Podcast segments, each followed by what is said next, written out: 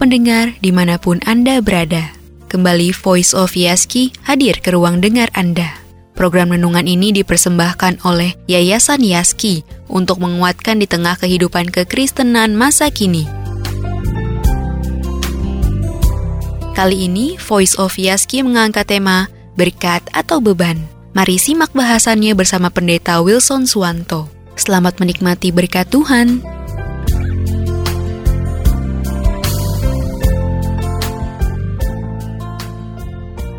Saudara yang terkasih, Matius 11 ayat 28 sampai 29 berkata, Yesus berkata, "Marilah kepadaku, semua yang letih lesu dan berbeban berat.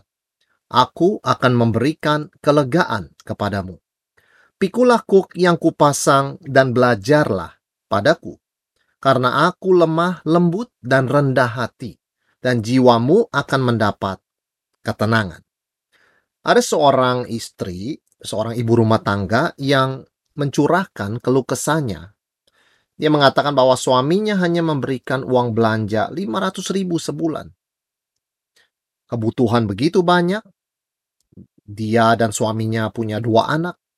Dia mengatakan rasanya berat untuk bisa mengatur kebutuhan rumah tangga hanya dengan biaya demikian.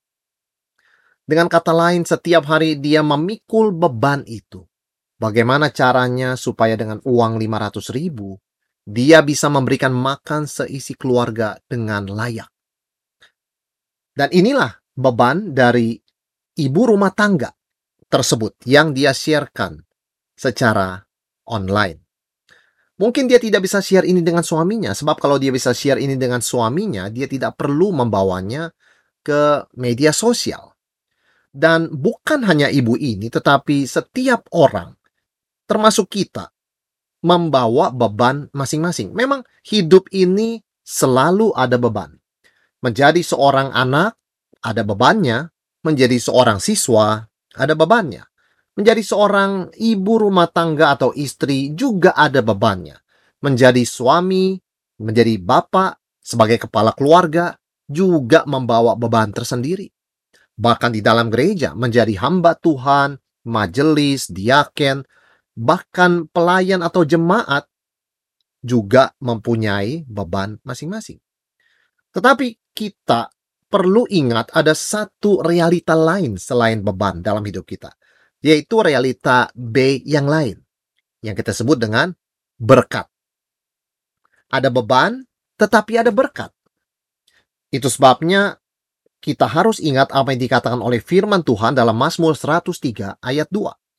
Pujilah Tuhan, hai jiwaku, dan janganlah lupakan segala kebaikannya. Tuhan itu baik. Tuhan itu memberkati kita. Dengan kata lain, bukan hanya dalam hidup ini kita membawa beban, memikul beban, tetapi kita juga memperoleh berkat dari Tuhan. Kita menikmati betapa Tuhan itu baik. Nah, kita harus sering menghitung berkat Tuhan. Karena apa yang terjadi sering kali adalah apa yang kita sebut beban sebenarnya adalah berkat yang tersembunyi. Sekali lagi, apa yang biasa kita sebut beban sering kali merupakan berkat yang tersembunyi. Mengapa? Karena adanya beban dalam hidup ini membuat kita datang lebih dekat kepada Tuhan Yesus. Itu sebabnya Yesus berkata dalam Matius 11 ayat 28, Marilah kepadaku semua yang letih lesu dan berbeban berat. Aku akan memberikan kelegaan kepadamu. Beban itu mendekatkan kita dengan Tuhan. Kalau kita mempunyai pergumulan beban financial, kita mempunyai pergumulan beban kesehatan, mungkin masalah keluarga, masalah pekerjaan. Beban-beban itu yang menindih kita membuat hidup ini terasa berat dan jalannya itu lambat. Itu justru mendorong kita untuk lebih dekat dengan Tuhan. Itu sebabnya di dalam beban kita melihat ada berkat Tuhan yang tersembunyi, yaitu secara rohani mendekatkan kita kepada Tuhan. Dan apa yang terjadi setelah kita datang kepada Yesus sesuai dengan panggilannya? marilah kepadaku yang letih lesu berbeban berat, yang terjadi adalah kita memperoleh kelegaan dari Kristus. Dengan kata lain, kita tidak lagi merasa hidup ini penuh dengan beban yang berat, tetapi kita telah memindahkan beban itu di dalam doa kepada Tuhan Yesus yang memikul segala beban kita. Tetapi tentunya tidak berhenti sampai di sana. Setelah itu kita membaca Matius 11 ayat 29, Yesus berkata, Pikulah kuk yang kupasang. Artinya, bagaimanapun juga kita mengikut Tuhan, tentu kita tetap membawa beban. Tetapi beban ini tidak lagi terasa sebagai beban yang berat, melainkan sebagai sebuah kuk yang dipasang oleh Tuhan di atas pundak kita dan melaluinya Tuhan mengarahkan hidup kita sehingga Yesus berkata di Matius 11 ayat 30, sebab kuk yang kupasang itu enak dan bebanku pun ringan. Artinya tentu saja di dalam hidup ini kita selalu ada beban. Kalau kita sebagai suami, istri, orang tua, anak, seorang pegawai, seorang atasan, apa pun juga kita pasti ada beban. Tetapi setelah kita datang kepada Yesus, beban itu membawa berkat, mendekatkan kita dengan Tuhan, dan kita memperoleh kelegaan. Sehingga meskipun hidup ini tetap ada beban, beban itu terasa ringan dan kita boleh mengalami bagaimana Yesus mengendalikan, mengarahkan hidup kita melalui beban-beban itu yang tidak lagi terasa berat. Mungkinkah seorang Kristen bisa diberikan hidup yang tanpa beban? Jawabannya, tidak mungkin. Karena bukan begitu makhluk hidup hidup. Bukan begitu seorang Kristen hidup bagi Tuhan. Dalam sebuah percobaan yang dilakukan di laboratorium di Amerika, uh, ditemukan bahwa ternyata beban itu baik. Diambil sebagai sampel percobaan uh, amuba, sebuah organisme kuman begitu ya, yang uh, mempunyai satu sel. Amuba ini uh, diberikan suhu yang pas, diberikan uh, suplai makanan yang selalu ada dan diberikan kelembapan yang pas. Diharapkan penelitian ini membuktikan bahwa amuba ini kalau hidup tanpa beban, tanpa tantangan, tanpa pergumulan, maka umurnya akan panjang.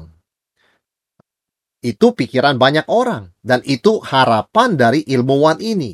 Mengejutkan sekali dan aneh sekali, amuba ini berusia pendek dia mati lebih awal daripada amuba-amuba yang pada umumnya hidup di alam terbuka dengan makanan yang tidak tentu ada, temperatur yang bisa naik turun, kelembapan yang bisa lembab bisa kering.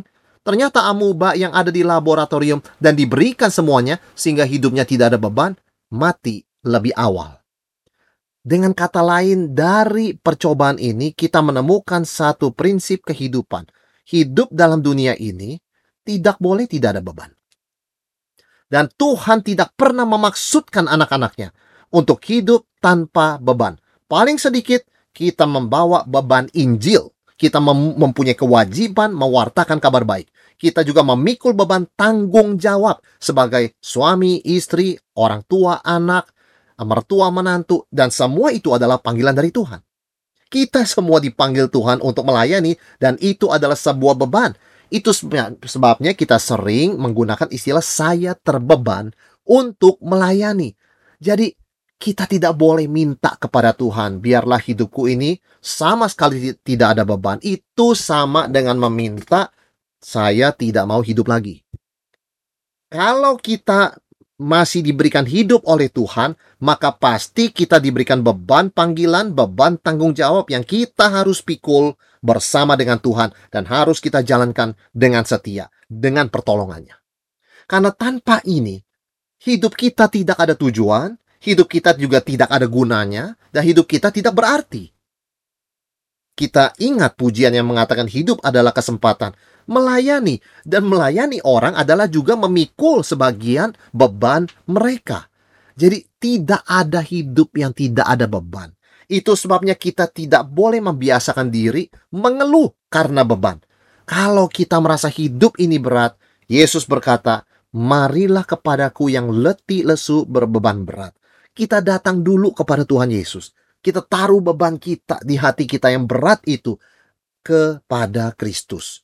Kita tahu Yesus sudah mati memikul beban dosa kita. Dia menderita, dia bangkit, dia naik ke sorga, dia berdoa bagi kita, dia hadir melalui roh kudus, dia selalu ada di sana untuk kita, untuk meringankan beban kita. Sehingga kita boleh tetap menjalani hidup ini sebagai anak-anak Tuhan yang setia menjalankan beban panggilannya. Jadi seorang Kristen bukan disuruh oleh Tuhan menghindari beban atau lari dari beban atau berdoa minta hidup tanpa beban. Itu bukan panggilan Tuhan buat orang Kristen dan orang Kristen tidak boleh berdoa seperti itu. Orang Kristen harus berdoa Tuhan, berikan beban pelayanan di dalam hatiku, berikan beban panggilanmu, biarlah hatiku terbeban melihat kesusahan penderitaan orang lain dan jiwa-jiwa terhilang yang belum mengenal Tuhan. Orang Kristen harus berdoa demikian. Bukan minta hidup yang tidak ada beban sama sekali. Dan ketika kita mengalami berbagai masalah, tentu kita berdoa Tuhan, berikan saya jalan keluar. Tapi tetap setelah Tuhan buka jalan, kita tetap masih memikul beban tanggung jawab untuk bagaimana mengasihi Tuhan dan mengasihi sesama. Melayani Tuhan menjadi berkat buat sesama. Bukan berarti hidup tanpa tanggung jawab, tanpa beban sama sekali. Itu sebabnya Yesus mengingatkan kita, pikulah kuk yang kupasang. Tetap ada beban, tapi beban itu adalah beban untuk melayani Tuhan.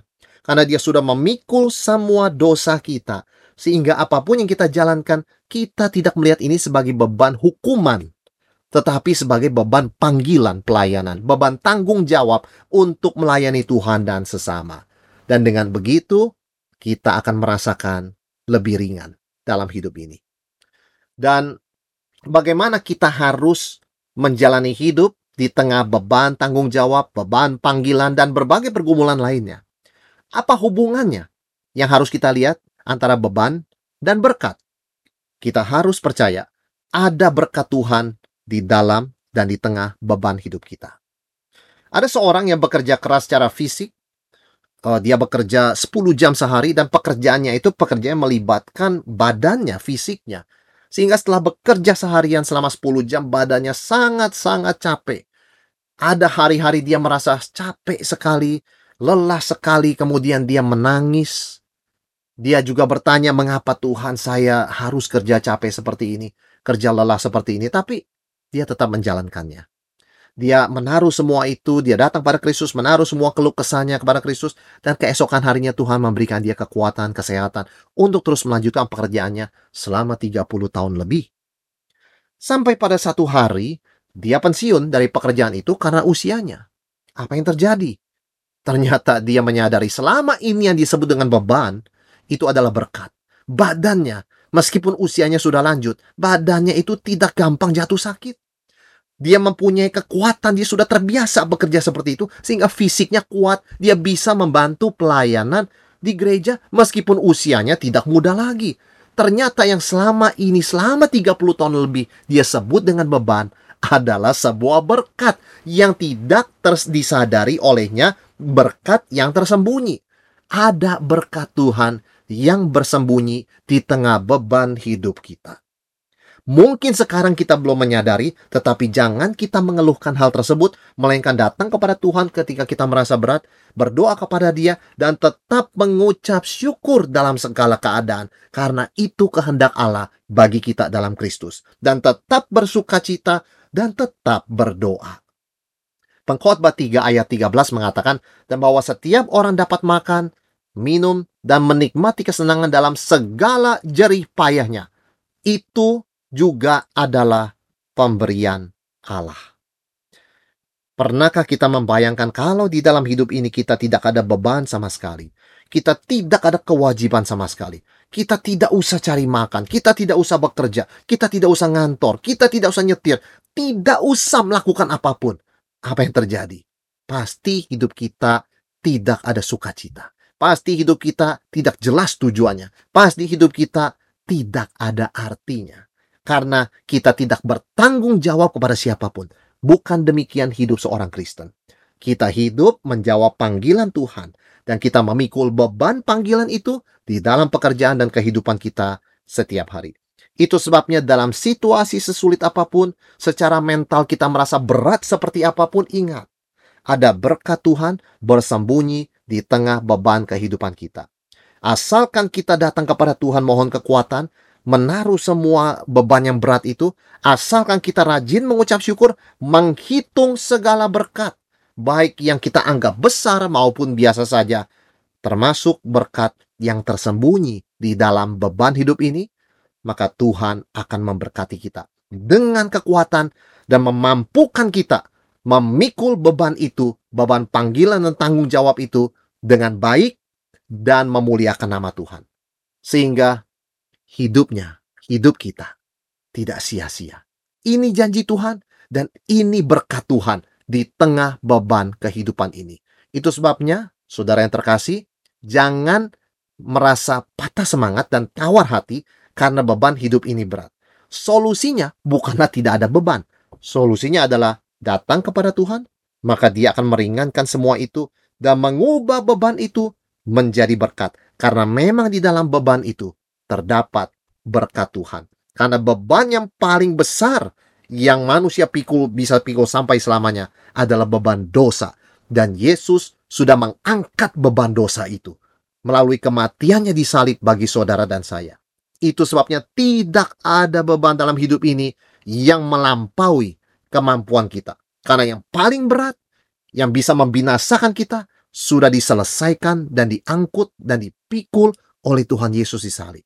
Itu sebabnya kita bisa bersuka cita, entah dengan beban apa pun yang kita menjalani hidup kita. Kita percaya, beban itu tidak seberat yang seharusnya, karena Kristus telah memikul yang paling berat dan Kristus sedang mengarahkan hidup kita bahkan di tengah beban kehidupan ini. Dan jangan lupa ada berkat Tuhan bersembunyi di tengah beban kehidupan kita. Demikian Voice of Yaski dengan tema Berkat atau Beban. Sampai jumpa dalam program Voice of Yaski minggu depan di waktu yang sama, masih dengan Pendeta Wilson Suwanto. Anda juga dapat menikmati rekaman Voice of Yaski hari ini dan edisi sebelumnya melalui Spotify Voice of Yaski. Tuhan memberkati Anda dan keluarga di mana pun berada.